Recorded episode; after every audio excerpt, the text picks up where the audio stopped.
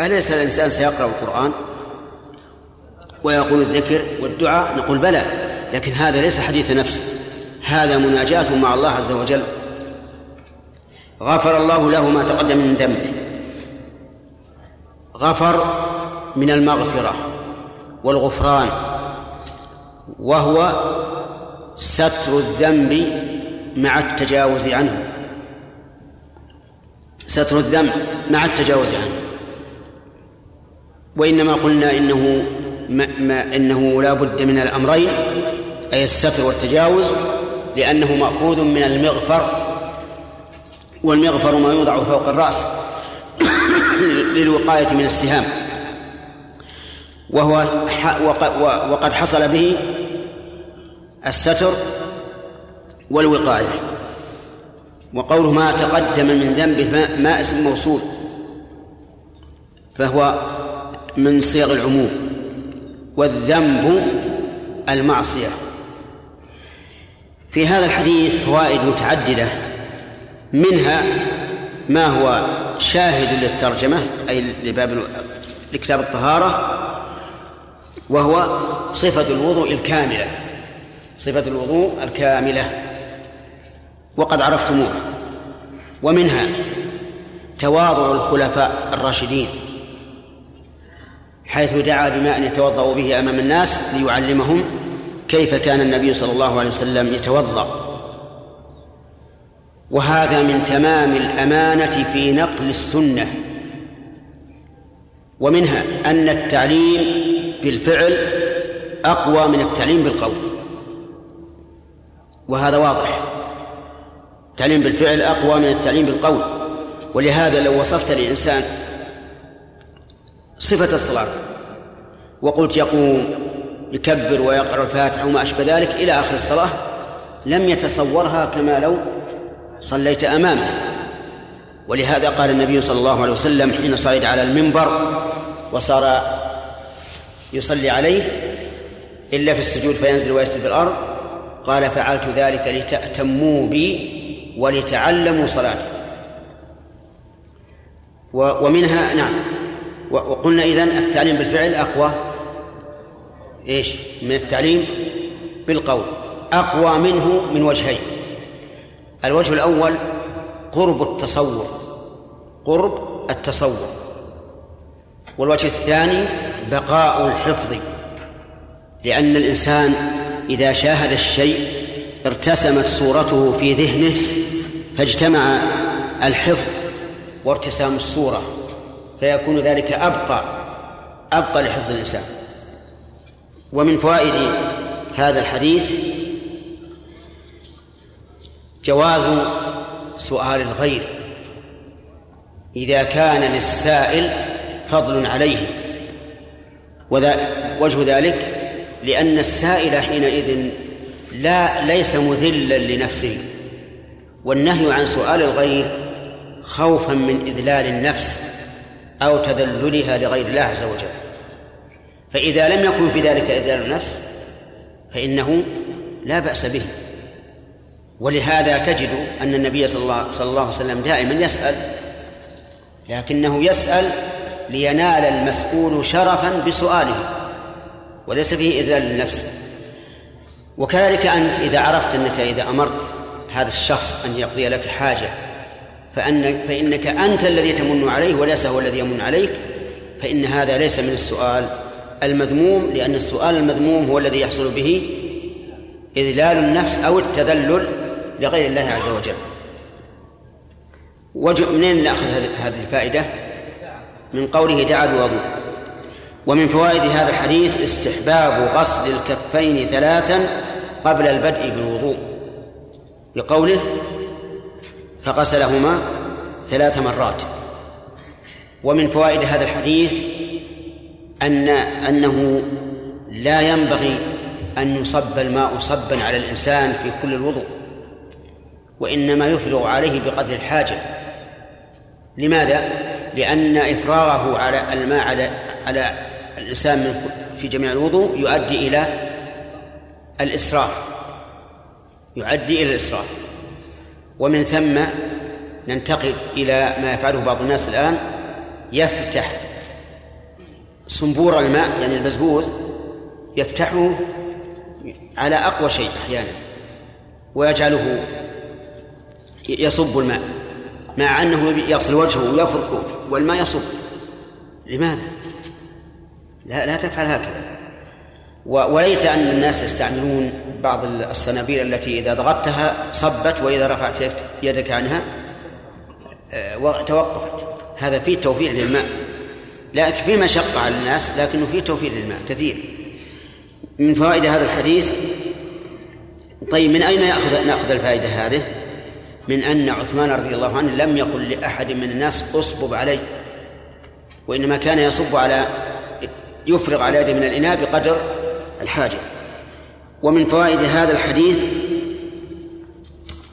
ما ذكره بعض العلماء أنه ينبغي أن يكون الإناء عن يمينك إذا كان واسعا وعن يسارك إذا كان ضيقا.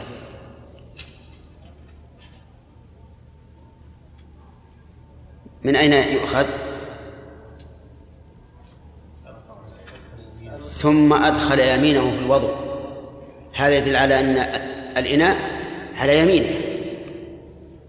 لأنه يدخل يده في الإناء فهو واسع. لكن إذا كان ضيقا اجعله عن يسارك. لأنك سوف تفرغ منه بيدك اليسرى على يدك اليمنى. ومن فوائد هذا الحديث مشروعية المضمضة والاستنشاق والاستنثار. أما المضمضة والاستنشاق فواجبان. داخلان في فرض غسل الوجه لأن الأنف والفم في داخل الوجه ومما تحصل بهما المواجهة وهما معرضان للأوساخ. والصواب أنهما أعني المضمضة والاستنشاق فرضان. أما الاستنثار فإنه سنة. كما كمج الماء في الوضوء في في المضمضة لكن الاستنثار أوكد سنية من مج الماء في المضمضة لورود السنة به. ومن فوائد هذا الحديث مشروعية لا بعدين.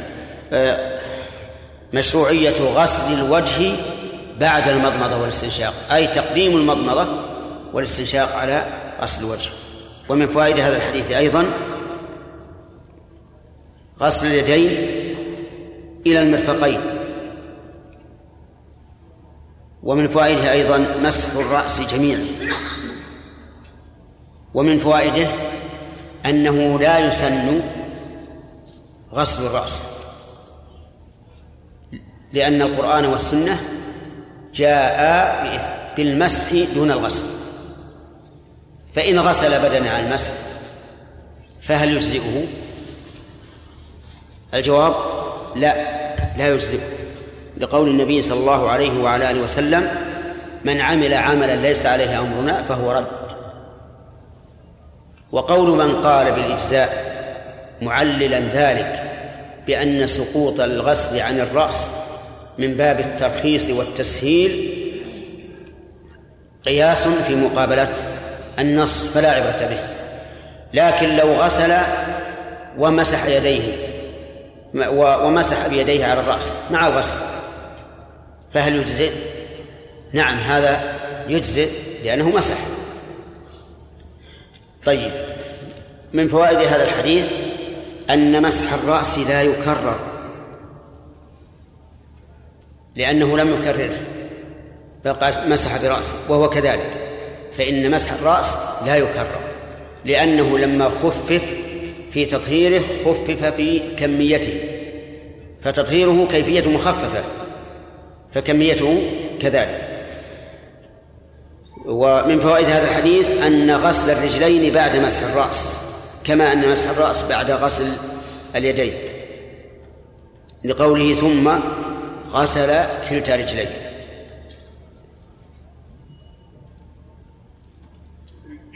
ومن فوائد هذا الحديث مشروعية الصلاة بعد الوضوء أن يصلي ركعتين. لقوله من توضأ نحو وضوء هذا ثم صلى ركعتين. وهل يفعلهما بعد العصر وبعد الفجر؟ الجواب نعم على القول الراجح. وذلك لأن كل صلاة نافلة إذا كان لها سبب فلا نهي عنها. فعلى هذا نقول إذا توضأ بعد العصر فليصلي ركعتين بعد الفجر فليصلي ركعتين. ومن فوائد هذا الحديث فضيلة الإمساك عن حديث النفس في الصلاة.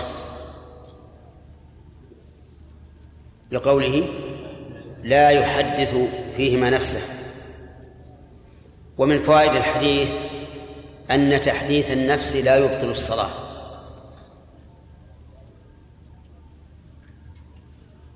من أين؟ طيب لا يحدث. فإن حدث إن حدث ليس له أجر لكن هل تبطل الصلاة أو لا؟ هذه مسألة خلافية بين العلماء. فيرى بعض العلماء أنه إذا غلب حديث النفس على أكثر الصلاة فإن الصلاة تبطل لأن المقصود بالصلاة الخشوع. ولهذا نهي الإنسان أن يصلي وهو يدافع الأخبثين أو أن يصلي بحضر الطعام أو أو أن يصلي وفي يديه ما يلهي بين يديه ما يلهيه وما أشبه ذلك. ولكن جمهور العلماء على أن الصلاة صحيحة ولو غلب الحديث حديث النفس على أكثرها واستدلوا بما ثبت عن النبي صلى الله عليه وسلم من أن الشيطان يأتي إلى المصلي فيقول أذكر كذا يوم كذا وكذا. يذكره ما نسي. ومن فوائد هذا الحديث أن من توضأ هذا الوضوء وصلى ركعتين وهما شرطان كما تعلمون أن يكون الوضوء على هذه الكيفية. والشرط الثاني في الصلاة وهو أن لا يحدث فيه فيها نفسه. وشرط ثالث في الصلاة أيضا ألا تنقص عن ركعتين فإنه يغفر له ما تقدم من ذنبه. وظاهر الحديث أنه يغفر له حتى الكبائر. وبذلك أخذ بعض أهل العلم وقال إنه يغفر حتى الكبائر. لكن جمهور العلماء على أن تكفير الحسنات على أن تكفير الحسنات للسيئات إنما يشمل الصغائر فقط. واستدلوا بقول النبي صلى الله عليه وسلم الصلوات الخمس. كمل لا لا. يكمل الرجال اللي, اللي حدث نفسه بشيء بعيد. لا. الصلوات الخمس. لا. لأن ألغينا الأول. الصلوات الخمس. نبدأ من جديد. الصلوات الخمس.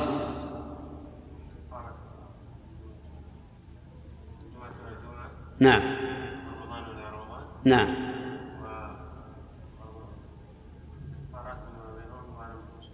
طيب. أحسنت. الصلوات الخمس والجمعة إلى الجمعة ورمضان إلى رمضان كفارة لما بينهن. ما اجتنبت الكبائر أو إذا اجتنبت الكبائر أو ما لم تغش الكبائر. قالوا فإذا كان هذه العبادات العظيمة الكبيرة لا تكفر إلا باشتراط اجتناب الكبائر فما دونها من باب أولى. ولكن بعض العلماء ذهب إلى مذهب جيد قال نحن لا نحشر على الله عز وجل ولا على رسول الله. ما أطلقه الله ورسوله أطلقناه وما قيده الله ورسوله قيدناه. فنقول ما قيده الرسول عليه الصلاة والسلام باجتناب الكبائر نقيده. وما أطلقه نطلقه والحمد لله فضل الله واسع. فعلى هذا يكون على هذا القول وهو قول جيد وجيه نقول غفر له ما تقدم من ذنبه المراد بالذنب ما يشمل الصغائر والكبائر وفضل الله واسع.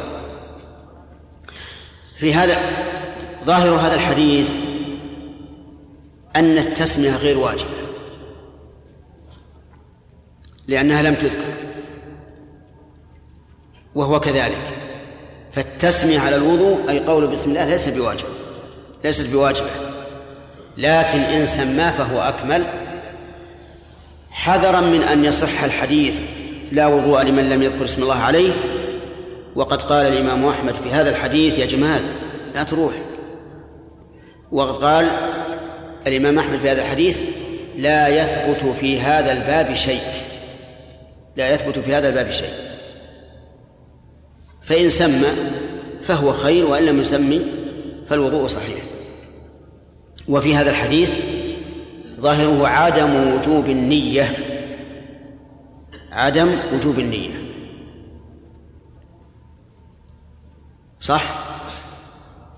كيف؟ ما ذكر. نوى.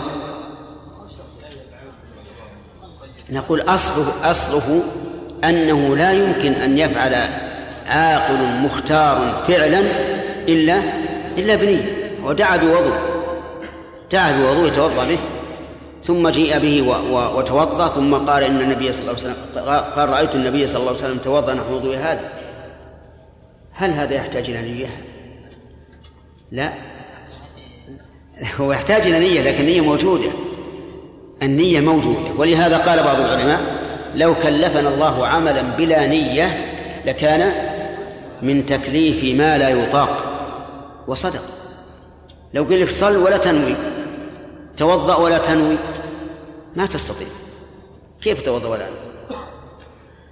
وجاء رجل إلى أحد العلماء وهو ابن عقيل من أصحاب الإمام أحمد فقال أيها الشيخ إنني ذهبت أغتسل من الجنابة في نهر الدجلة وانغمست فيه. وخرجت ولم أرني ولم أرني تطهرت. لأني ما نويت. لأنني لم أنوي فقال له الشيخ أرى أن لا تصلي. أرى أن لا تصلي. قال ولما؟ قال لأن النبي صلى الله عليه وسلم قال رفع القلم عن ثلاثة عن المجنون حتى يفيق. وأنت مجنون.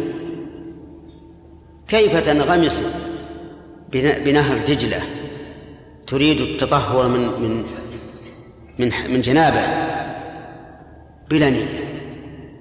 يعني ما الذي أخرجك من بيتك حتى جاء بك إلى النهر وتغسلت؟ ما هو؟ النية لا شك. ولهذا ينبغي أن نقول لمن أصيب بالوسواس نسأل الله لنا ولكم السلامة أن نقول كيف فعلت؟ هل تفعل بلا نية؟ فإذا قال والله ما نويت نقول ما عليك. وضوءك صحيح صلاتك صحيحة. طيب وظاهر الحديث أنه لا يسن الجهر أنه لا يسن النطق بالنية. أنه لا يسن النطق بالنية. وقال بعض العلماء يسن النطق بالنية في العبادات من أجل أن يطابق اللسان القلب. يكون العبادة انعقدت بالقلب واللسان. فماذا نقول؟ طيب نذكر قولا آخر وقال بعض العلماء يسن النطق بالنية جهرا. إظهارا لشاعر لشاعر الدين. ورأى رجلا عاميا من من عامة الناس شخصا في المسجد الحرام قام لصلاة الظهر. فقال اللهم إني نويت أن أصلي صلاة الظهر فريضة أربع ركعات خلف إمام الحرم المكي. يوم أراد يقول الله أكبر. قال في العام يصبر باقي عليك. قال وش بقي هذه النية المطلوبة. قال باقي عليك. أنت الآن ذكرت الحرم المكي خلف إمام الحرم المكي وهذا المكان. عين الزمان. قل في يوم كذا من شهر كذا من سنة كذا. عشان تكون المسألة محررة مضبوطة. نعم. نعم. فتصح الصلاة. المهم أن بعض العلماء عفى الله عنا وعنهم قال قال إنه يسن الجهر بالنية. وقال آخرون يسن الإصرار. وقال آخرون النطق بالنية سرا أو جهرا بدعة. فأيهم أسعد بالدليل؟ الثالث. الثالث أسعد بالدليل. لأن النية محلها القلب وهي بينك وبين ربك. فإذا قال أنا أنطق بالنية لا أريد إظهار الإخلاص لأن الإخلاص بيني وبين ربي. لكن أريد تعيين العبادة. قلنا أيضا التعيين تابع للنية التي للإخلاص فمحلها القلب. استثنى بعض العلماء استثنى الحج والعمرة. وقالوا إنه يسن النطق بالنية في الحج والعمرة. والصحيح أنه لا استثناء. وأن قول الناسك لبيك عمرة ليس هو النية. لكن إظهار هذه الشعيرة المطلوبة شرعا وهي التلبية. التلبية عبادة مستقلة. ما هي إظهار نية وكذلك لبيك حجا. وأما مجيء الآتي إلى النبي صلى الله عليه وسلم وقوله له صل في هذا الوادي المبارك وقل عمرة وحجة أو عمرة في حجة. فهذا إرشاد منه إلى أن التلبية تكون بحج وعمرة مقرونين. لأن النبي صلى الله عليه وسلم حج قارنا.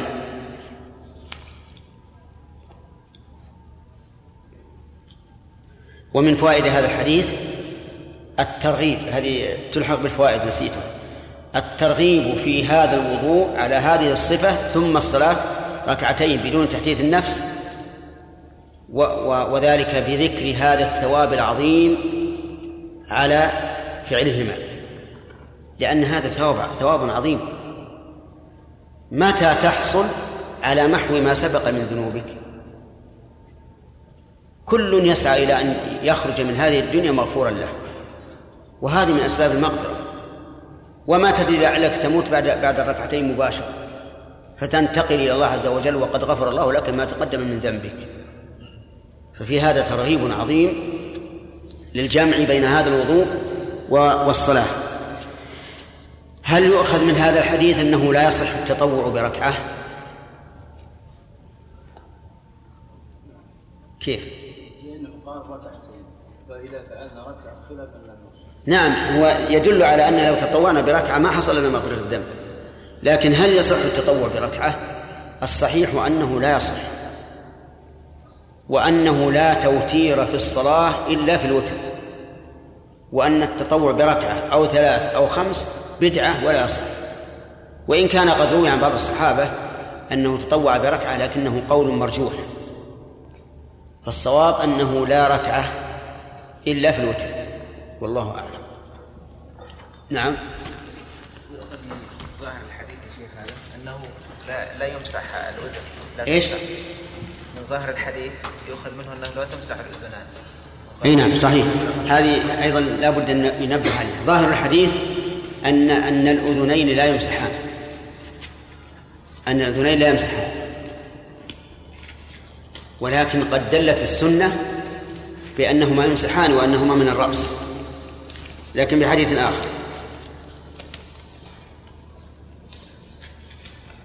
نعم.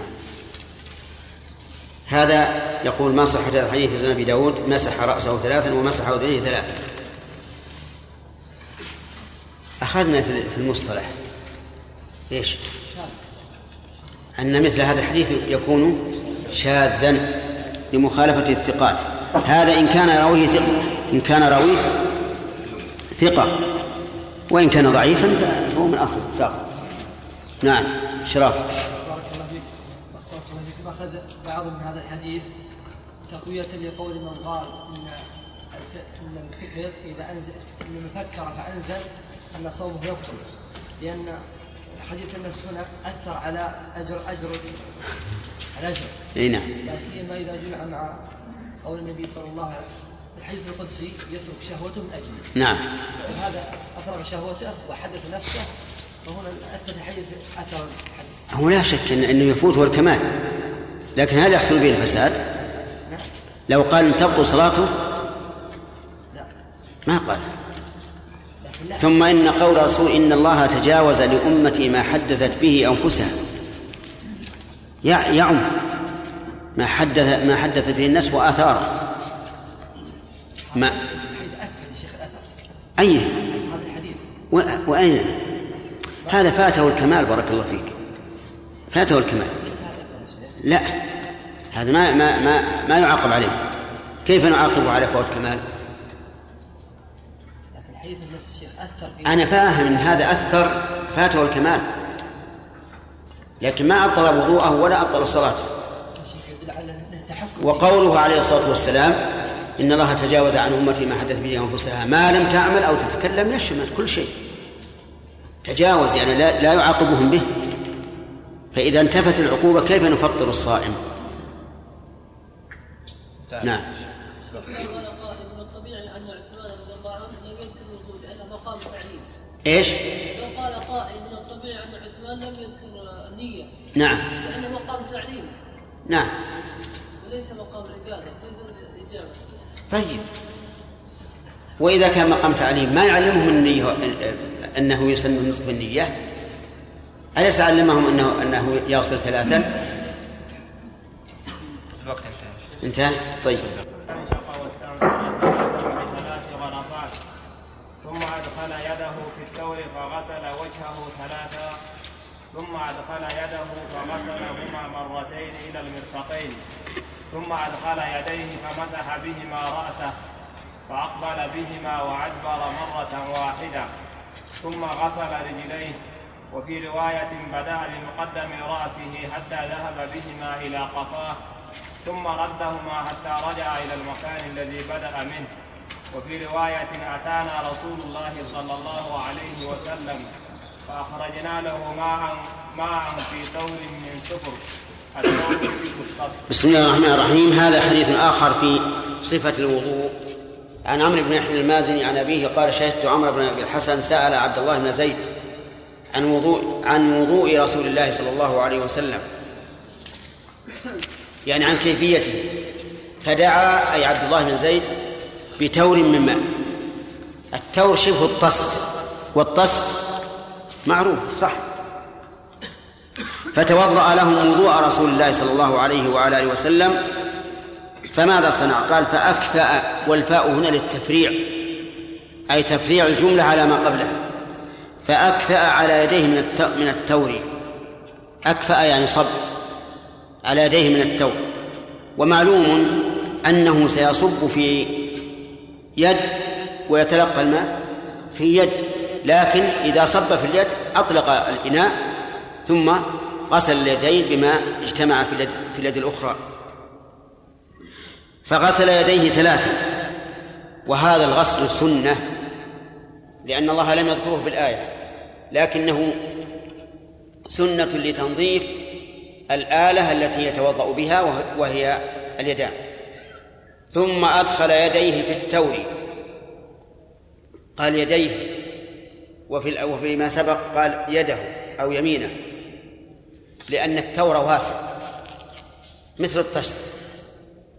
وهنا أدخل اليد في التور وفي الأول أكفأ على على يديه من التور لأنها الآن نظفت اليدان.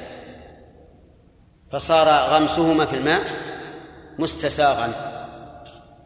فمضمض واستنشق واستنثر ثلاثا بثلاث غرفات.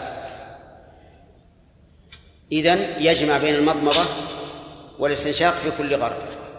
ثم أدخل يده في التور فغسل وجهه ثلاثا والظاهر أن قوله يده يعني يديه. يعني جمع الماء بيديه ثم غسل وجهه ثلاثا ثم أدخل يده فغسلهما. عندكم يده فغسلهما؟ لا ثم أدخل يده فغسلهما مرة. ولا يديه أي طيب أنا أقول مقتضى قوله فغسلهما أن يكون المعنى أدخل يديه. ولكن مع ذلك حتى لو كان المعنى أدخل يديه فالمراد أدخل يد, يد كل يد وحدها لأنه سوف يبدأ بغسل اليمنى ثم ثم اليسرى. مرتين إلى المرفقين. المرفقان هما المفصلان بين بين العضد والذراع. لأنه متفق عليهما أي يتكئ و وقوله إلى المرفقين مقتضى اللغة العربية أن المرفقان أن المرفقين غير داخلين لكن قد بينت السنة أن المرفقين داخلا طيب ثم أدخل يده فمسح بهما. أو يديه؟ لا ثم أدخل يديه يعني في التور فمسح بهما رأسه فأقبل بهما وأدبر. وكيف أقبل وأدبر. فسره بالرواية الأخرى. بدأ بمقدم رأسه حتى حتى ذهب بهما إلى قفاه ثم ردهما حتى رجع إلى المكان الذي بدأ منه هذا معنى الإقبال والإدبار وصار هذا إقبالا لأنه يبدأ بمقدم الرأس أي بما استقبل من من رأسه. وذاك إدبارا. ثم نعم مرة واحدة مرة واحدة كيف مرة واحدة وهي إقبال وإدبار؟ لأن هذا الإقبال والإدبار من أجل منابت الشعر.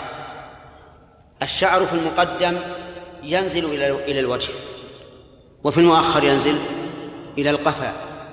إذن وجوه الشعر مختلفة فيستقبل الشعر أولا كذا ويكون بالنسبة لشعر القفاء مستدبرا ثم يستقبل شعر القفاء ويستدبر شعر آه، المقدم. فكان فكان المسح إيش؟ مرة واحدة لكن مرة على ظهور الشعر ومرة في بطون الشعر. طيب. ثم ردهما حتى رجع المكان الذي بدأ منه وفي ثم غسل رجليه غسل رجليه ولم يذكر عددا. يقول وفي رواية أتانا رسول الله صلى الله عليه وسلم فأخرجنا له ماء في تور من صفر أخرجنا له ماء في تور من صفر لماذا؟ ليتوضأ به. نعم. ففي هذا الحديث فوائد. منها أن من عادة السلف رضي الله عنهم أن يبينوا العلم للناس بالفعل. وجهه فدعا بتور من ماء فتوضأ له. وبإمكانه أن يصف هذا الوضوء بلسانه لكن التعليم بالفعل له شأن عظيم لأن الإنسان يكون به أكمل إدراكا ليس الخبر كالمعاين ولأن صورته ترتسم في الذهن بحيث لا ينساه. ومن فوائد هذا الحديث فعل الوضوء على هذه الكيفية ولا حاجة إلى التفصيل واضح. ومر علينا من قبل. ومن فوائده من فوائد هذا الحديث الجمع بين المضمضة والاستنشاق من كف واحد. لقوله فمضمض واستنشق واستنثر ثلاثا بثلاث غرفات. ومن فوائده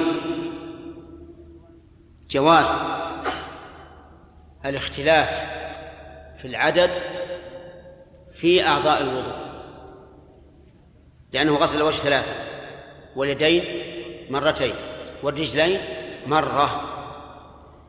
وكان المف... يعني كان المتبادر إلى الذهن أن يكون الأمر بالعكس. الأمر بالعكس. الوجه واحدة لأنه أنظف من الرجلين. واليدان مرتين لأنها لأنهما وسط. والرجلان ثلاثا لأنها أقرب إلى الأذى والوسع لكن الأمر بالعكس. وإلى هذا يشير قوله تعالى وامسحوا برؤوسكم وأرجلكم على قراءة الجر. يعني حتى لا يبالغوا في الغسل. وبه يتبين أو يتفرع على هذا الفائدة فائدة أنه ليس المقصود من الوضوء التنظيف الحسي. المقصود منه التنظيف المعنوي. أن يكفر الله عنك كل خطيئة عملتها في هذه الجوارح. ومن فوائد هذا الحديث آه، كيفية المسح المسنون مسح الرأس. قل لي عنه. نعم. نعم. ثم يرده هذا هو الأفضل. وإذا مسح على أي كيفية كان ذلك مجزئا. يعني لو مسح بيد واحدة هكذا وأدارها على رأسه حتى استوعب الرأس كان ذلك كافيا. لأن الرسول صلى الله عليه وسلم مسح على العمامة وعلى الناصب ولا يتأتى الإقبال والإدبار في هذه الحال. فالمهم أنه إذا مسح يا كمال إيش النوم هذا؟ أنه إذا مسح رأسه على أي كيفية أجزأ لكن الأفضل الإقبال والإدبار. في هذا الحديث لم تذكر الأذنان. لم تذكر الأذنان. فكيف الجمع بينه وبين الأحاديث الدالة على ذكرهما؟ يقال لا ينبغي أن تقول كيف الجمع. لأن الجمع إنما يكون في مظاهرهما التعارض أما هذا لا, لا تعارض لأن عدم الذكر ليس ذكرا للعدم. فهب أنها لم تذكر الأذنان في هذا الحديث لكن ذكرت في أحاديث أخرى. هل نقول لا نعمل بالأحاديث الأخرى لأنها لم تذكر في هذا الحديث؟ لا. ولذلك قال في النخبة زيادة راويهما يعني الصحيح والحسن مقبولة ما لم تقع منافية لمن هو أوثق. نعم. طيب. في هذا الحديث نوع التطهير بين غسل ومسح. فلو مسح في مغسول وغسل في ممسوح يعني عكس. يجزئ؟ أما إذا مسح في مغسول فواضح لأن المسح دون الغسل. وأما إذا غسل في ممسوح فواضح أيضا؟ أنه لا يجزي لماذا؟ نعم نقول لا يجزئ لقول النبي صلى الله عليه وعلى آله وسلم من عمل عملا ليس عليه أمرنا فهو رد. وغسل الرأس ليس في كتاب الله ولا في سنة رسوله بل في كتاب الله وسنة رسوله عكس ذلك المسح. أفهمت؟ طيب. قال بعض العلماء يجزئ الغسل لأن المسح إنما شرع في الرأس تخفيفا على العباد. فإذا أراد الإنسان أن يغسل فهو فقد أتى بزيادة. فيقال والتخفيف على العباد هل هل هو مقصود للشرع ولا غير مقصود؟ مقصود. يريد الله بكم اليسر. ليس التخفيف على العباد إذا شرع الله شرعا للتخفيف. أن نقول لا نريد تخفيفك يا رب. هذا غلط. ولهذا جاء في الحديث إن الله يحب أن تؤتى رخصه والعقل يدل على هذا. الكريم يحب أن يقبل كرمه. أليس كذلك؟ فإذا رد كرمه صار هذا إهانة له. وعلى هذا فنقول لو غسل رأسه بدلا عن مسحه فإنه لا يجزئه لأنه خلاف أمر الله ورسوله. وقد قال النبي صلى الله عليه وعلى آله وسلم من عمل عملا ليس عليه أمرنا فهو رد. والقول بأنه إنما شرع للتخفيف فإذا أراد الإنسان أن يثقل على نفسه فهو حر القول بذلك قول مصادم للنص فلا عبرة به طيب ثم قال المؤلف وعن عائشة رضي الله عنها قالت كان النبي صلى الله عليه وسلم يعجبه التيمم في تنعله وترجله وطهوره وفي شأنه كله. انتبه كان يعجبه العجب والإعجاب تارة يكون بمعنى الاستغراب. والإنكار وتارة بالعكس.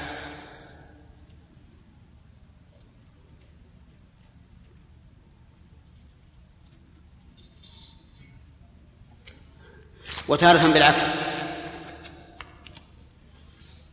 ففي قوله تعالى بل عجبت ويسخرون هذا لإيش؟ للإنكار. يعني عجبت من هؤلاء؟ أن ينكروا وحدانية الله عز وجل ويسخرون. وقراءة عجبت لحن أو صواب؟ بل عجبت. ما الذي في مصاحفكم؟ بالتاء. وبينهما فرق. عجبت للمتكلم وعجبت للمخاطب. فالمعنى يختلف. وأنا أقول بل عجبت. فهل تقولون هذا خطأ؟ حسب حسب علمنا خطأ. لا حول ولا قوة استعجلت يا كمال. نقول بارك الله فيك هذا حسب علمنا أنه خطأ. لأن الذي في المصاحف الذي بين أيدينا بل عجبت. لكن نقول لكم فيها قراءة سبعية بل عجبت. لكن القراءات السبعية القراءات غير المعروفة عند العامة لا تقرأ بها أمام العامة. نحن نهى عن هذا لأنك إذا قرأت بها عند العامة لم تخلو من أحد أمرين. إما أن يقولون هذا يلعب بكتاب الله ويلحن فيه وإما أن تقل هيبة القرآن عنده عرفتم؟ ولهذا من الخطأ أن الإنسان إذا أفتى بقول هو الراجح وكان عنده طالب علم. فأراد أن يقول للناس انظروا إلي فأنا عالم بالخلاف. فإذا أفتى المفتي بما يرى أنه صواب قال له يا شيخ هم هم بعض العلماء يقول كذا وكذا وعامل عنده المستفتي عامل. إذا قال أليس بعض العلماء قال كذا وكذا؟ ولا سيما إن كان القول الثاني هذا هو الأخف. وش يقول العامي؟ لا شك أنها تقل هيبته للفتوى. تقل. لكن مشكل بعض بعض الناس حقيقة يريد أن ما أدري الله أعلم.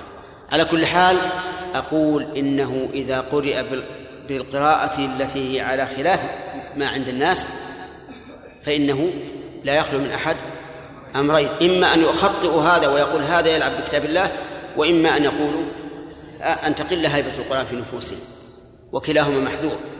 أما عند طالب نعم. فإذا قال قائل ألستم تقولون إن الأفضل أن يقرأ بهذا تارة وهذا تارة؟ قلنا بلى. لكن هذا يمكن أن يفعله في قراءته مع نفسه. في قراءته في الصلاة في قراءته في التلاوة. أما مع الغير فلا. كذلك إذا كان في محضر طلبة علم وفي مقام التعليم فلا بأس أن يقرأ بهذا وهذا. طيب أقول آه، آه، إنه إذا كان هذا العجب في قوله تعالى بل عجبت نحن نتكلم عن العجب نوعان عجب إنكار وعجب استحسان.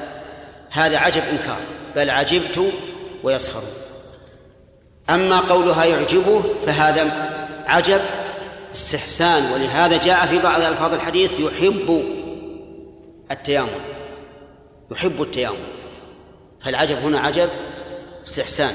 التيامن يعني البداءة باليمين. وعند التيمن في تنع في تنعله أي في لبس نعله وترجله أي في إصلاح رأسه. لأن الرسول صلى الله عليه وسلم كان له رأس. أحيانا يبلغ إلى فروع إلى أذنيه وأحيانا إلى منكبيه. لكنه صلى الله عليه وسلم كان نظيفا. دائما يتعهده بالترجيل والتنظيف والتطيب. حتى إنه كان محرما فيرى أثر المسك في مفارقه. الثالث طهوره. وهذا محل الشاهد للحديث. طهوره يعني طهارته يعني طهارته. والرابع وفي شأنه كله. يحب التيامن وذلك لأن اليمين يمن وبركة. ولهذا كان السعداء جعلنا الله وإياكم منهم يأخذون كتابهم باليمين فكان يعجبه التيامن بل أمر به قال الأيمنون الأيمنون الأيمنون. ألا فتيامنوا أو تيمنوا ألا فتيمنوا ألا فتيمنوا. فالبداء باليمين هي السنة القولية والفعلية. الشاهد من هذا الحديث قوله وطهوره طيب. فيستفاد من هذا الحديث أن الأعمال تتفاضل بعضها أفضل من بعض وبعضها أعجب إلى النبي صلى الله عليه وسلم من بعض. وهو كذلك. الأعمال تتفاضل بلا شك. خير الصدقة أن تصدق وأنت صحيح شحيح تأمل البقاء وتخشى الفقر. هذا خير الصدقة. ولا تمهل حتى إذا بلغت أي الروح الحلقومة قلت هذا لفلان وهذا لفلان وقد كان لفلان. من فلان الثالث؟ الوارث. وهذه حال كثير من الناس اليوم. يشح على نفسه أن يتصدق بدرهم في حال الحياة. ثم يوصي بثلث ماله وعنده ثلاثين مليون. كم يتصدق به؟ عشرة ملايين. ليش؟ لأنه خلص راح عن الدنيا. ما عاد له بالمال. فائدة. وهذا غلط. لكن الذي يتصدق وهو صحيح شحيح. هذا المتصدق حقيقة. يأمل البقاء يعني طول البقاء في الدنيا لكن متوكل على الله. ويخشى الفقر. هذا المتصدق حقيقة يا عبد الله. معنا. طيب. إذن الصدقات تتفاضل. أي الأعمال أفضل أو أي الأعمال أحب إلى الله؟ يقول ابن مسعود للرسول صلى الله عليه وعلى آله وسلم قال الصلاة على وقتها. إذن الأعمال تتفاضل. وإذا تفاضلت الأعمال لزم من ذلك تفاضل العامل. من الأفضل من العمال؟ من قام بالعمل الأفضل. أليس كذلك؟ وإذا تفاضل العمال لزم من ذلك تفاضل الإيمان. لأن المو... لأن الإنسان لا يختار الأفضل إلا إيمانا منه بأنه أفضل. فيكون فيه دليل على ما ذهب إليه أهل السنة والجماعة من زيادة الإيمان ونقصان الإيمان. وهو الحق وله أدلة ليس هذا موضع بسطها. طيب ومن فوائد هذا الحديث من فوائده أنه يبدأ بالنعال باليمين. وهذا إذا انتعل يبدأ باليمين. لكن إذا خلع يبدأ باليسار لأن لأن الخلع تخلي واللبس تحلي. فروعي جانب اليمين في الحالين. في حال التحلي يبدأ به في حال التخلي يؤخر حتى يتوفر له من التحلي أطول. لأنه إذا لبس أولا وخلع أخيرا صار حظ يمين من هذه النعل أكثر من حظ اليسار. انتبه يا أخ طيب لو لو لو قال قائل وهل تقيسون على النعال لبس الثوب؟ أو لبس الثوب؟ نعم نقيس على النعال لبس الثوب. فتبدأ بإدخال الكم الأيمن قبل إدخال الكل الكم الأيسر. وكذلك التسرول. تبدأ بإدخال الرجل اليمنى قبل اليسرى والخلع بالعكس. واسألوا أنفسكم هل أنتم تتبعون هذا؟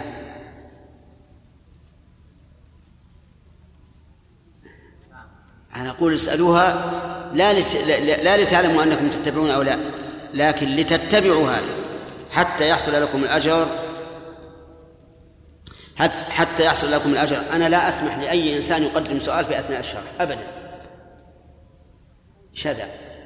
ما يقدم أثناء الشرح إلا ضرورة كسيارة أو شيء. أما الأسئلة في أثناء وش الفائدة نقدر نقدر وقت للسؤال؟ ما في فائدة. هذا الآن يشغلنا ويقطع تفكيرنا وكل شيء. لا أسمح لإنسان يقدم أي سؤال. والذي قدم السؤال بهذه الورقة أجبن من من الهر. ليش يقدم بالورقة؟ ولا ما قدم إذا كان عنده شجاعة يقدم بلسانه. طيب. الآن نقول في إيش؟ إيه اسألوا أنفسكم. هل أنتم تستعملون هذا أو لا؟ وأقول اسألوا أنفسكم لتعملوا به في المستقبل إذا كنتم لا لا تعملون به. وبه وبه يعرف شمولية هذا الدين الإسلام. وأنه يدخل في الإنسان حتى في لباسه. حتى في لباسه يمكن أن يؤجر الإنسان إذا تيمن في الإدخال وتيسر. في الإخراج. طيب. كذلك أيضا يستفاد من هذا الحديث جواز لبس النعل. صح؟ جواز لبس النعل. لقوله تنعله صريح. وهو كذلك. ولبس النعل جائز. هذا هو الأصل. لكن ينبغي أن يحتفي أحيانا لأن النبي صلى الله عليه وعلى آله وسلم كان ينهى عن كثرة الإرفاه ويأمر بالاحتفاء أحيانا. يعني تمشي حافي أحيانا لئلا تكون كثير الإرفاه. وما ظنكم بقوم لا يخلعون الجوارب والخفين صيفا ولا شتاء بدون علة. هذا إرفاه ولا غير إرفاه؟ هذا إرفاه. تجد أسفل قدم هذا الرجل مثل خده. لو أراد أن يمشي على الأرض ما استطاع أن يمشي على الأرض. لو خلعه. هذا غلط. هذا خلاف الشر لأن الرسول صلى الله عليه وسلم نهى عن عن كثرة الإرفاه. نهى عن كثرة الإرفاه. فلا ينبغي أن تكثر من الإرفاه. بل عود نفسك الخشونة حتى تكون رجلا بمعنى الكلمة. طيب. إذن هذا يدل على جواز إيش؟ الانتعال ونحن نقول به كما دل عليه الحديث ولكنه لا ينبغي كثرة التنعل بل ينبغي أن يحتفي الإنسان أحيانا لأن النبي صلى الله عليه وسلم أمر بذلك. يستثنى من هذا أي من قولنا إن, إن التنعل مستحب يستثنى من هذا حال الإحرام لقول النبي صلى الله عليه وسلم ليحرم أحدكم في إزار ورداء ونعلين فإنه يلبس النعلين عند الإحرام ويستثنى من ذلك الصلاة. فإن السنة أن يصلي الإنسان بنعليه سئل أنس بن مالك رضي الله عنهما رضي الله عنه أكان النبي صلى الله عليه وسلم يصلي بنعليه قال نعم. بل أمر أن يصلي بنعلين مخالفة لليهود وهو كذلك. فإن قال قائل ابدأ بنفسك أيها المتكلم. لماذا لا تصلي في نعليك فالجواب قد صليت في نعلي مدة طويلة ولكن رأيت أن هذا فيه مفسدة وهو أن العوام كانوا إذا أرادوا دخول المسجد خلعوا نعالهم وأمسكوها بأيديهم ووضعوها في إلى جنبهم ثم لما جاءت هذه الرفوف صاروا يجعلونها في الرفوف فلما رأوا أن إمامهم يصلي في نعليه صاروا يدخلون المسجد بالنعلين فإذا وصلوا إلى الصف خلعوها إي نعم هذا هو الواقع. طيب إيش الفائدة؟ صار صار هذا ضرر. ضرر مخالفه للسنة الصريحه يخلعها عند الصلاة فعلا والأول هو لابسه فمن أجل ذلك تركته. ولهذا نرى علماءنا الكبار لا يلبسون النعلين خوفا من هذه المفسدة. طيب ومن فوائد هذا الحديث آه، جواز اتخاذ شعر الراس لقوله وترجله.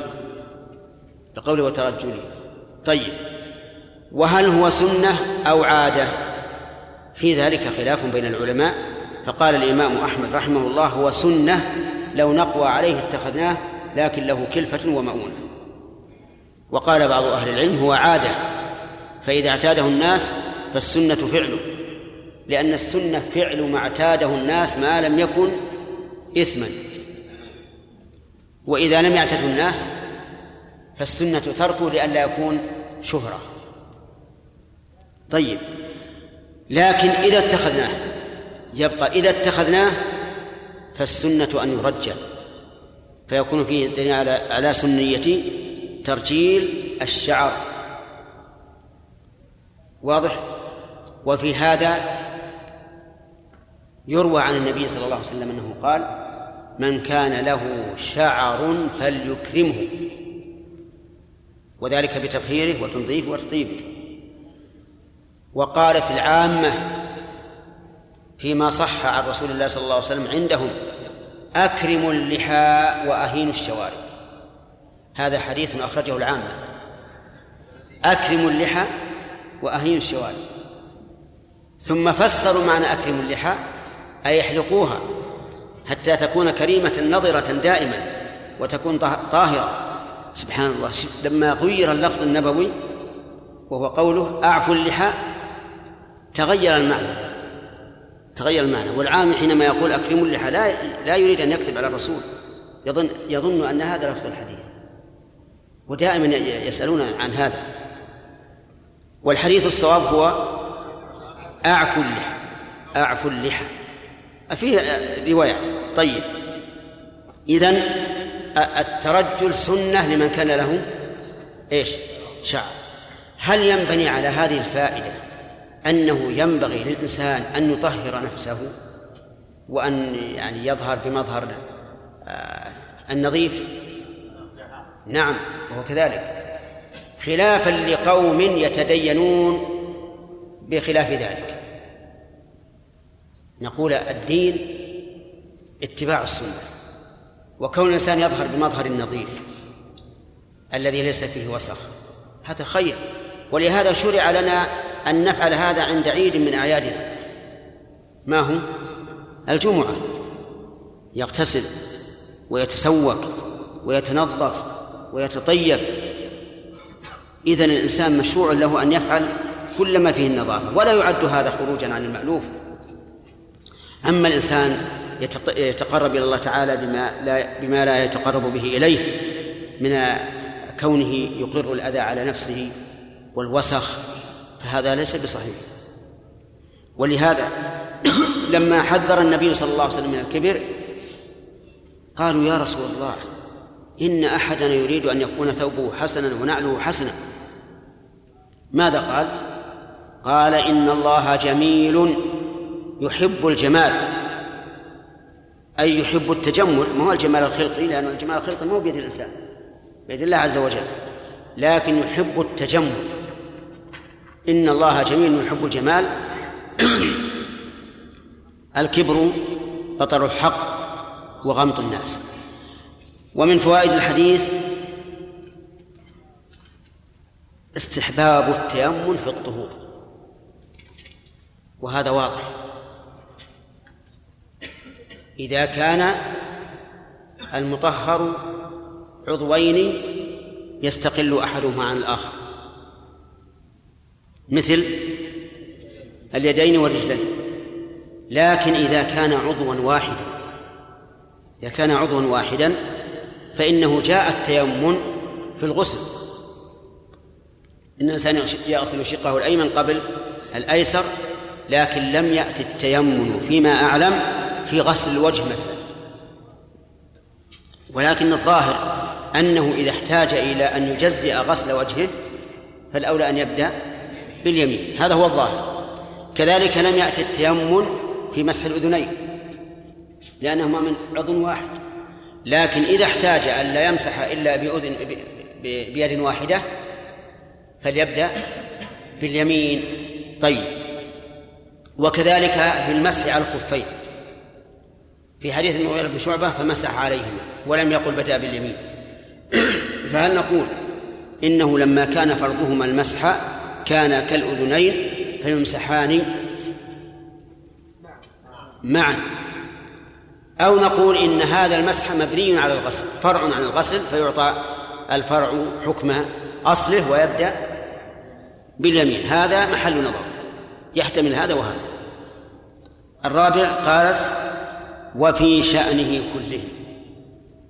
أيضا يعجبه التأمل في شأنه كله. سبحان الله هذا عام. كل شيء تبدأ به وتضطر إلى أن تبدأ باليمين أو باليسار فابدأ بإيش؟ باليمين.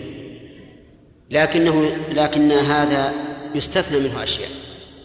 منها الاستنجاء والاستجمار. فإنه في حديث سلمان الفارسي قال نهانا رسول الله صلى الله عليه وسلم أن نستنجي باليمين. أن نستنجي باليمين. وكذلك مس الذكر. إذا احتاج الإنسان إذا مس إلى مس ذكره فلا يمسه باليمين بل يمسه باليسار لأن الرسول صلى الله عليه وسلم نهى عن مس الذكر باليمين. إذن هذه الجملة وفي شأنه كله لها أشياء مستثنات فيها أشياء مستثنات تعلم من أحاديث أخرى. والله أعلم. حمد. قال النووي رحمه الله تعالى قاعدة الشرع المستمرة استحباب البداءة باليمين.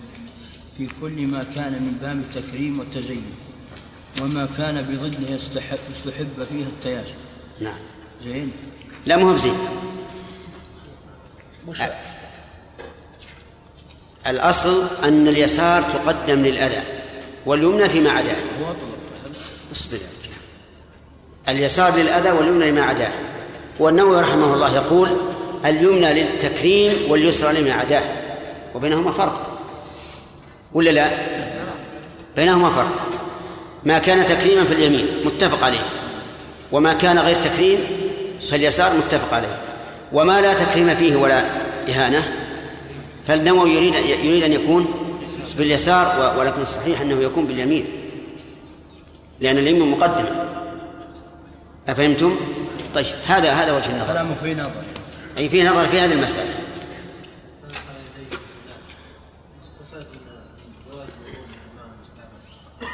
إيش؟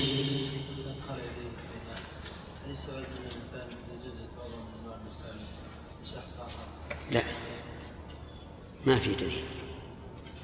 سمعتم ما يقول؟ يقول فأدخل يده في التور يستفاد منه أنه يجوز الوضوء بالماء المستعمل. فقلنا لا. لأن هذا ليس وضوء وضوءا به بل هو وضوء منه.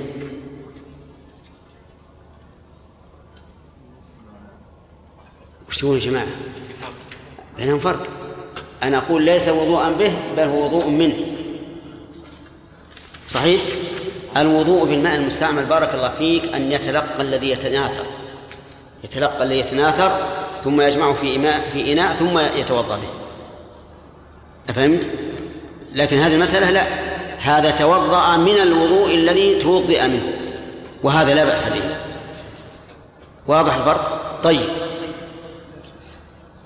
ما تقولون في رجل تيمم على أرض وها نحن نرى أثر كفيه فجاء إنسان فتوضأ بأثر الكفين. تيمم قصد تيمم بأثر الكفين. هل يكون هذا من باب التيمم بما تيمم به؟ ها؟ انتهى. فكر في العقل. أي نعم صحيح. ولهذا يسأل بعض بعض المرضى يقول هو يأتي بصحن فيه فيه تراب ويتيمم منه لصلاة الفجر. هل يجوز أن يتيمم منه لصلاة الظهر أو نقول هذا تراب مستعمل لا يرتفع به الحدث؟ الثاني ولا الأول؟ الأول. لأن هذا تيمم منه ولم يتيمم به. ما هو التراب المتيمم به؟ الذي يعلق في اليد يعني لو فرض إنسان تيمم وبقي في يده أثر التراب فجاء إنسان وقال مد يدي. ثم تيمم على يده. ها؟ يجزي ولا لا؟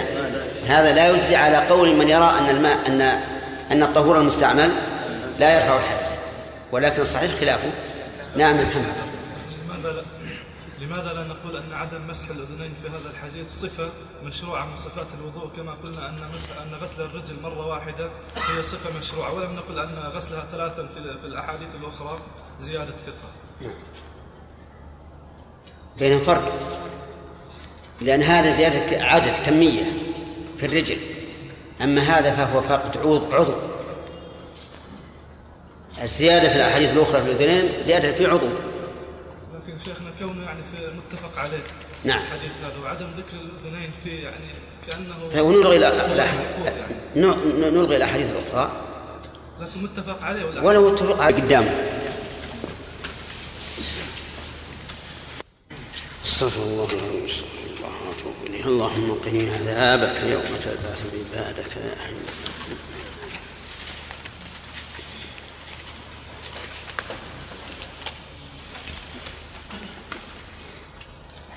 نعم بسم الله الرحمن الرحيم. الحمد لله رب العالمين. والصلاة والسلام على نبينا محمد وآله وصحبه أجمعين. صلى الله وسلم على رسول الله. قال المصنف رحمه الله تعالى فيما نقله عن نعيم المجمل عن نعيم المجمل عن أبي هريرة رضي الله عنه عن النبي صلى الله عليه وسلم أنه قال إن أمتي يدعون يوم القيامة غرا محجلين من آثار الوضوء فمن استطاع منكم أن يطيل غرته فليفعل. وفي لفظ لمسلم رأيت أبا هريرة يتودأ فغسل وجهه ويديه حتى كاد يبلغ المنكبين ثم غسل رجليه حتى رفع إلى الساقين. ثم قال سمعت رسول الله صلى الله عليه وسلم يقول إن أمتي يدعون يوم القيامة غرا محجلين من أثر الوضوء فمن استطاع منكم أن يطيل غرته وتحجيله فليفعل. وفي لفظ لمسلم سمعت خليلي صلى الله عليه وسلم يقول تبلغ الحلية من المؤمن حيث يبلغ الوضوء. بسم الله الرحمن الرحيم الحمد لله رب العالمين. وأصلي وأسلم على نبينا محمد خاتم النبيين وإمام المتقين. وعلى آله وأصحابه ومن تبعهم بإحسان إلى يوم الدين. ما الذي يدل عليه قوله قول عائشة رضي الله عنها كان النبي صلى الله عليه وسلم يعجبه التيمم في تنعله وترجله وطهوره. ترجله ما الذي يدل عليه؟ جمال. نعم. وترجيل الشعر. نعم. أحسنت. أن النبي صلى الله عليه وسلم كان يتخذ الشعر. أنا لست أسأل هل هل يرجل أو لا لأن هذا واضح. لكن نريد أن نعرف اللازم من هذا. طيب. قولها في شأنه كله. ما الذي يستثنى منه من؟ لا من إيش؟ مرض بالنص من أن من أنه. نعم. من أنه يقدم اليسار. مثل كالاستنجاء. أحسنت.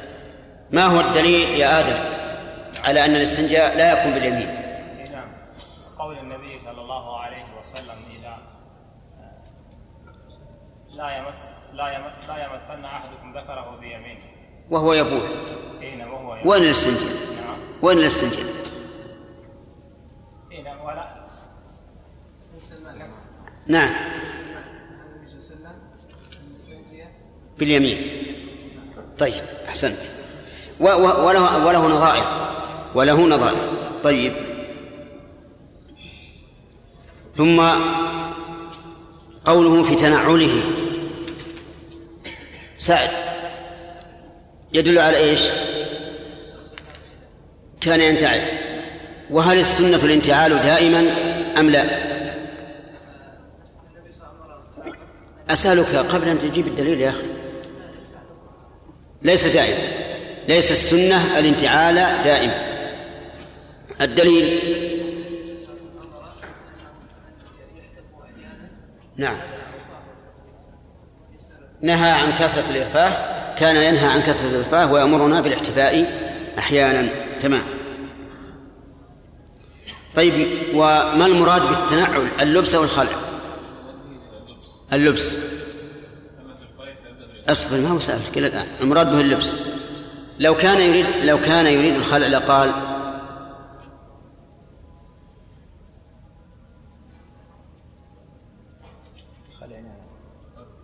نعم. في خلع نعل والتنعل لبس النعل. التنعل لبس النعل. طيب. قوله طهوره هل يستثنى من هذا شيء قثمي؟ نعم هل يستثنى منه شيء؟ أبدا. والغسل.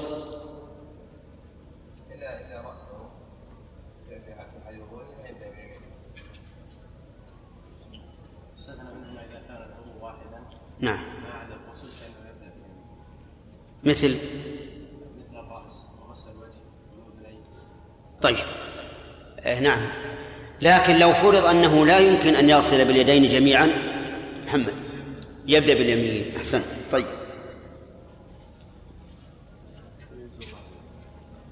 ثم نبدأ بدرس اليوم وهو قوله عن نعيم بن عن نعيم المجمر عن أبي هريرة. نعيم المجمر المجمر هذا لقب له ولقب بذلك لأنه كان يجمر المسجد أي يبخره من يتكلم الحين يقول عندنا تشديد الميم وش لبس اليمين؟ المجمر. يصلح. المجمر عن أبي هريرة رضي الله عنه عن النبي صلى الله عليه وسلم إذا أراد أحدكم يتكلم يستأذن برفع بيده عشان ما يشوش. عن أبي هريرة رضي الله عنه أن النبي صلى الله عن, عن النبي صلى الله عليه وعلى آله وسلم أنه قال إن أمتي يدعون يوم القيامة غرا محجلين من آثار الوضوء. إن أمتي الامه الرسول عليه الصلاة والسلام تطلق على أمة الدعوة وعلى أمة الإجابة.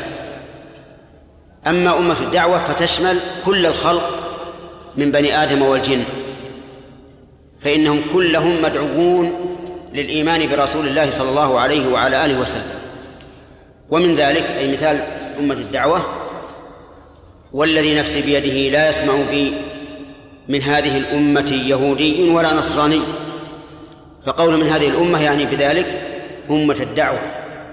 لأن اليهودية والنصرانية ليس من من أمة الإجابة. وأما أمة الإجابة فمثل هذا الحديث إن أمتي يدعون يوم القيامة. وقوله يدعون يعني ينادون حال كونهم غرا محجلين. وذلك أن كل أمة كما ذكر الله تعالى في سورة الجاثية وترى كل أمة جاثية كل أمة تدعى إلى كتابها. اليوم تجزون ما كنتم تعملون. فهذه الأمة تدعى على هذا على هذا الوجه. وقوله يوم القيامة هو اليوم الذي يبعث فيه الناس. وسمي وسمي يوم القيامة لوجوه ثلاثة. الوجه الأول أن الناس يقومون فيه لرب العالمين. والوجه الثاني أنه تقام فيه الأشهاد ويوم يقوم الأشهاد. والوجه الثالث أنه يقام فيه العدل لا ظلم اليوم. فهذا هو يوم القيامة. غرا جمع أغر والأغر الفرس الذي في في مقدمة رأسه بياض في جبهته أو في كل وجه. هذا الأغر. و والمراد بالغرة هنا ليست غرة البياض بل هو بل هي غرة النور. يأتون وجوههم تلوح نورا.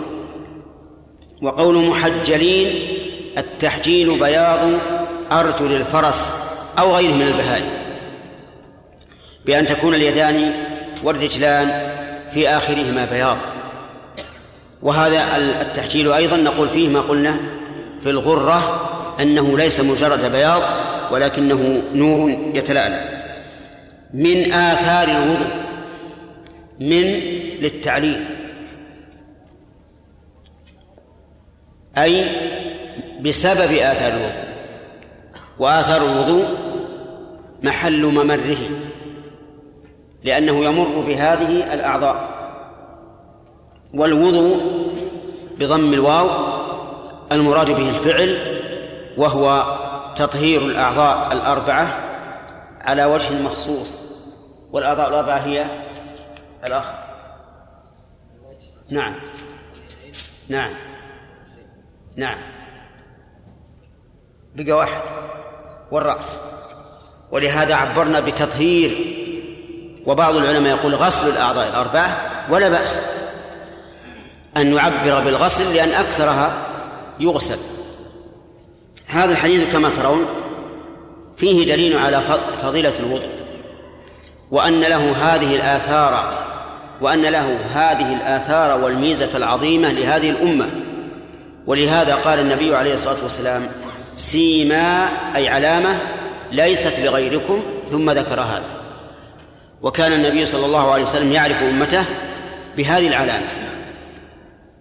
فمن فوائده فضيلة هذه الأمة حيث حباها الله عز وجل بهذه المنقبة العظيمة يوم القيامة. ومنها فضيلة الوضوء وهو المقصود بهذا الحديث.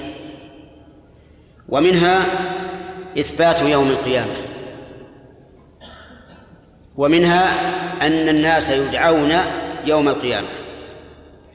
ثم هذه الدعوة إذا وجهت لفرد من أفراد الناس فهل يدعى باسم أبيه أو باسم أمه؟ قال بعض العلماء إنه يدعى باسم أمه. واستندوا في ذلك إلى حديث أبي أمامة الباهلي الذي رواه أهل الشام في تلقين الميت بعد دفنه أن يقال له يا فلان بن فلانة. اذكر ما خرجت عليه من الدنيا شهادة لا إله إلا الله وأن محمد رسول الله إلى آخر الحديث. لكن هذا الحديث غير صحيح. هذا الحديث لا يصح. والناس يدعون يوم القيامة باسم آبائهم كما ثبت عن النبي صلى الله عليه وسلم في قوله لكل غادر لواء يوم القيامة. يعرف به يقال هذه غدرة فلان ابن فلان. فلان ابن فلان. ومن فوائد هذا الحديث نعم إثبات الغرة والتحجيل بسبب الوضوء وهو خاص بهذه الأمة. ومن فوائد هذه الآية الكريمة حديث. نعم أستغفر الله. من فوائد هذا الحديث أن الإنسان قد يعمل العمل لا يظن أنه يبلغ ما بلغ فكلنا نعمل ونتوضأ لكن أكثرنا لا يعرف أن هذا الأثر العظيم يكون للوضوء. ومن فوائد هذا هذا الحديث أنه ينبغي ذكر ما يرغب في الخير كما ينبغي ذكر ما يرهب من الشر. بمعنى أنه لا ينبغي للإنسان أن يلقي الأحكام جافة بل يلقيها ويذكر ما يحرك القلوب لفعلها أو لاجتنابها. ثم قال فمن استطاع منكم أن يطيل غرته فليفعل.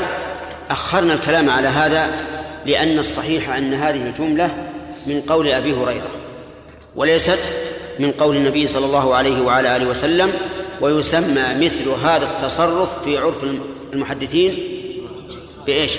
بالإدراج لأنه إدخال حديث بحديث من غير بيان. طيب. قوله أن نطيل غرته فليفعل. يقول العلماء إن هذا غير ممكن. لماذا؟ لأن الغرة بياض الوجه والوجه لا يمكن تطويله. أين يذهب؟ لو أراد يطول الوجه وين يروح؟ يدخل في الرأس. وإلا في الرقبة. إذن لا يمكن أن يكون هذا الحديث من كلام الرسول عليه الصلاة والسلام. وهذا أحد ما يستدل به على أن الحديث ليس, ليس من كلام الرسول عليه الصلاة والسلام. وكما ذكرنا لكم قبل أيام إن قوله هذا إن الطواف بالبيت صلاة إلا أن الله أباح به الكلام لا يمكن أن يكون من كلام الرسول صلى الله عليه وعلى آله وسلم. لماذا؟ لأنه لا يخالف الصلاة في في مسألة الكلام فقط بل في أكثر الأحكام يخالف الصلاة. نعم. ثم قال وفي لفظ آخر رأيت أبا هريرة. الفاعل من؟ نعيم المجمل. رأيت أبا هريرة يتوضأ. كيف قال أبا هريرة؟ بالأول يقول عن أبي هريرة. أبي وهنا أبا. ليش؟ لأن هذا مفعول به. وذاك مجرور. وهذا أعني الأب من الأسماء الستة أو الخمسة. ينصب بالألف ويجر بالياء ويرفع بالواو. طيب رأيت أبا هريرة يتوضأ فغسل وجهه ويديه حتى كاد يبلغ المنكبين. شوف غسل وجهه ولم يقل أطال لأنه غير ممكن. أما أما اليدان فقال حتى كاد يبلغ المنكبين. أين المنكب يا حجاج؟ الكتف. نعم طرف رأس الكتف. ثم غسل رجليه حتى رفع إلى الساقين. الساقين وهو هذا بمنزلة الذراع لليد. ثم قال سمعت رسول الله صلى الله عليه وعلى آله وسلم يقول إن أمتي يدعون يوم القيامة غرا محجلين من آثار الوضوء.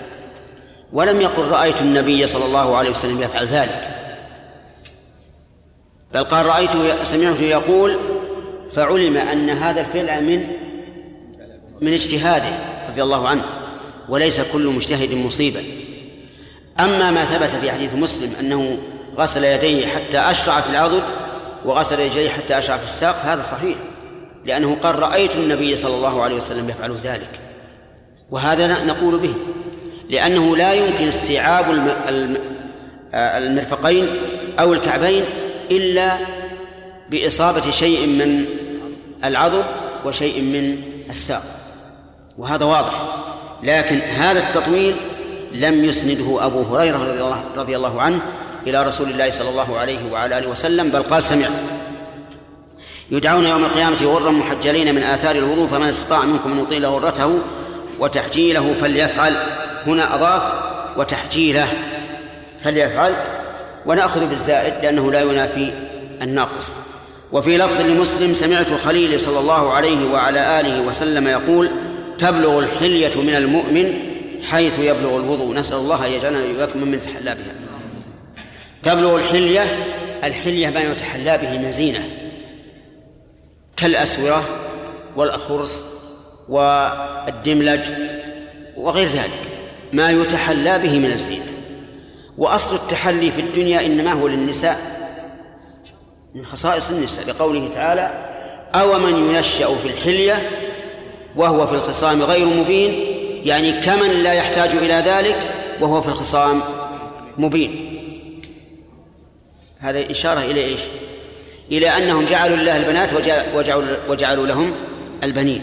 يعني يقول كيف هذا عدل أن تجعلوا لله من ينشأ في الحلية وهو في الخصام غير مبين وتجعلوا لأنفسكم من لا يحتاج للحلية وهو في الخصام مبين. لأن الرجل لا يحتاج أن يتحلى إذ هو رجل برجوليته. المرأة تحتاج للتحلي لأنها ناقصة أولا ولأنها رغبة الزوج والزوج إذا رآها متحلية رغب فيها أكثر ولهذا أبيح لها من التحلي ما لم يبح للرجل. حرم التحلي بالذهب مطلقا على الرجال وجاز له من من الفضة ما يحتاج إليه أما المرأة فليست كذلك. لها من التحلي ما ليس للرجل. قال تبلغ الحلية من المؤمن الحلية ما يتحلى به. حلية المؤمنين في الجنة ثلاثة أصناف ذهب وفضة و... ولؤلؤ يحلون فيها من أساور من ذهب وفضة ولباسهم فيها حرير. وقال تعالى وحلوا. نعم من أساور من ذهب ولؤلؤا ولباسهم فيها حرير. وقال تعالى وحلوا أساور من فضة. هذه ثلاثة أنواع يا عبد الله. ثلاثة أنواع. هل معنى هل المعنى أنهم يلبسون هذا تارة وهذا تارة أو يلبسونها جميعا أو يلبسون اثنين منها مرة واثنين منها مرة أخرى؟ الظاهر الجميع يعني حسب ما يروق لهم. إن شاءوا لبسوها جميعا وإن شاءوا لبسوا كل واحد على انفراده لهم فيها ما تشتهي أنفسهم. لكن أسألكم أيما أجمل أن يكون كل واحد منها على انفراد أو أن تجتمع؟ لا إله إلا الله. طيب ما دام مسألة أنه على المزاج هذا شيء مفروغ منه. قلنا هم على ما يرجون في الجنة. لكن الآن في الدنيا هل ترون أن كون الحلية بيضاء حمراء آه، إيش نقول لؤلؤ؟ لا زجاجية. نعم. في في يد واحدة. أو كل واحد على انفراد. أنا أقول الجميع أحسن في نظري. أما أنتم عاد لكم نظر نعم. هذا هو الأقرب. يعني يكون موشع. موشع. وكل يعرف أن أن السادة ليس كالموشع. ليس كذلك؟ الفراش السادة هذا ما هو ما هو إلى ذاك. لكن إذا جاء موشع منقش صار أحسن. هذا ظني. والعلم عند الله. وإن شاء الله تعالى موعدنا الجنة إن شاء الله. ننظر فيها بإذن الله تعالى. طيب. تبلغ الحلية من المؤمن حيث يبلغ الوضوء. وإلى أين يبلغ الوضوء؟ هذا محل المشكلة هذا محل النزاع. على رأي أبي هريرة يبلغ الوضوء إلى المنكب وإلى نصف الساق أو أكثر. أما نحن فنرى أن الله حدد ما يبلغ الوضوء. في اليدين؟ إلى المرفقين. وفي الرجلين إلى الكعبين. هذا هذا الذي تبلغ فيه. الذراع كله القدم إلى الكعب هذا كله محلل قد يكون ال... وعلى هذا فنقول إن قوله حيث يبلغ الوضوء يحمل على الوضوء الذي أمر الله به وهو سائل. إيه وهو. إلى المرفقين في اليدين وإلى الكعبين في القدمين. في هذا الحديث حث على إتقان الوضوء وأسباغه لأن الحلية تبلغ من المؤمن حيث يبلغ الوضوء.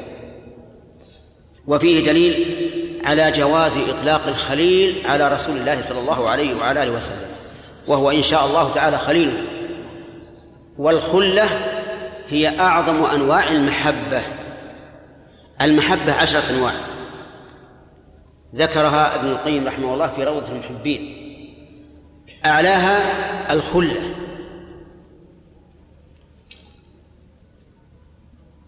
وفي القرآن الكريم ولا شفاعة إيش؟ ولا خلة. والكافرون هم الظالمون. نعم. نعم. قبل أن يأتي يوم لا بيع فيه ولا خلة ولا شفاعة. خلة يعني محبة صافية هي أعلى أنواع المحبة. طيب فإن قال قائل كيف يقول أبو هريرة رضي الله عنه سمعت خليلي ورسول الله صلى الله عليه وعلى آله وسلم يقول لو كنت متخذا من أمتي خليلا لاتخذت أبا بكر. فالجواب الجواب أن أن الخلة متبادلة بين شخصين. فبالنسبة للرسول عليه الصلاة والسلام هو خليله فهي فأنا خليله لكن هو لا يتخذني خليلا ولا غيري. إذن هي ممنوعة من جانب واحد. جانب من؟ جانب الرسول صلى الله عليه وسلم. وذلك لأن محبة الله عند رسول الله صلى الله عليه وعلى آله وسلم غطت كل قلبه. أما نحن فمحبة الله سبحانه وتعالى يعني محبتنا لله عز وجل غطت كل محبة. ومن بعدها محبة الرسول عليه الصلاة والسلام. فنحن نتخذه خليلا من بين سائر الخلق. أما أن تزاحم محبته محبة الله فكلا. ونحن ما أحببناه إلا لمحبته إلا لمحبة الله له ومحبته لله. ولولا ذلك لكان بشرا من بني هاشم. لولا هذه الرسالة. ولهذا يغلط كثيرا كثيرا كثيرا من يقدم محبة الرسول على محبة الله. محبة الرسول تابعة لمحبة الله ولولا ولولا ذلك ما كان لرسول, لرسول الله صلى الله عليه وسلم هذا الشرف. طيب إذن الجواب على هذا أن نقول الخلة من جانب الرسول لغيره ممنوعة ومن جانب غيره له مشروعة مشروعة بل هي واجبة لأن الواجب أن تقدم محبته حتى على نفسك.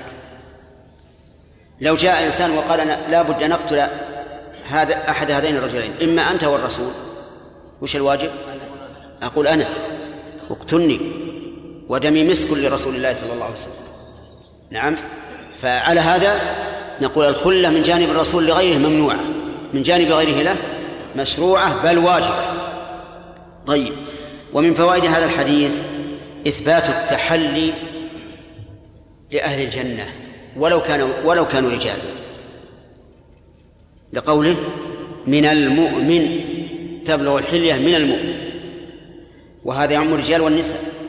فإذا قال قائل كيف يحل التحلي في الجنة ولا يحل في الدنيا؟ ليش؟ الدنيا دار ابتلاء. لأن الدنيا دار امتحان واختبار. حتى يعلم الله سبحانه وتعالى المطيع من العاصي. والله سبحانه وتعالى يحرم الأشياء ويحلل الأشياء حتى يعني كأنك تقول الآخرة ليست دار تكليف. نعم. والدنيا دار تكليف وامتحان. هذه واحدة. الثاني في في الدنيا الرجل ليس بحاجة للتحلي. وإن كان الحلة طيبة تجمل لك ليس بحاجة. نقول للرجل اشتغل برجولتك. لا لا يكون همك الهندام والتحلي والثوب الطويل وما أشبه ذلك. لكن في الآخرة ما في التكليف ولا شك أن الحلي أنه يعطي الإنسان جمالا.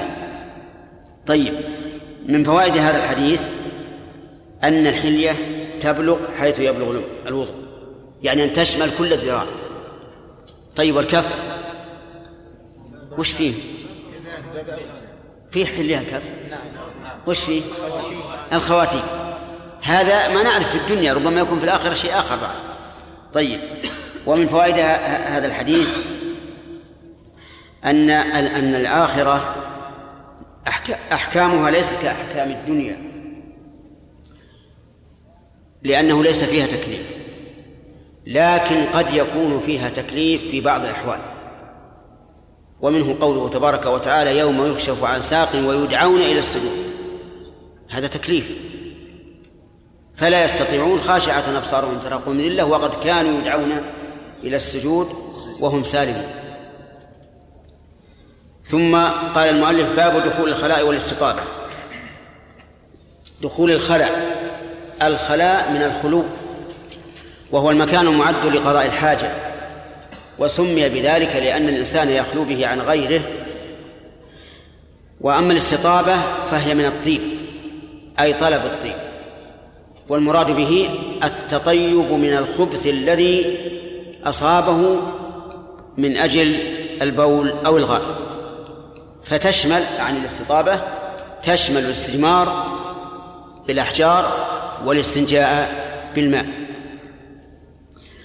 عن أنس بن مالك رضي الله عنه أن النبي صلى الله عليه وعلى آله وسلم كان إذا دخل الخلاء قال اللهم إني أعوذ بك من الخبث والخبائث. كان إذا دخل. اعلم أن كان تأتي في الأحاديث كثيرة. والذين يؤلفون على الحروف الهجائية يرتبون, الأحاديث عليها أي على الحروف الهجائية يذكرون فصلا أو بابا مستقلا لهذا. الأحاديث المصدرة بكان.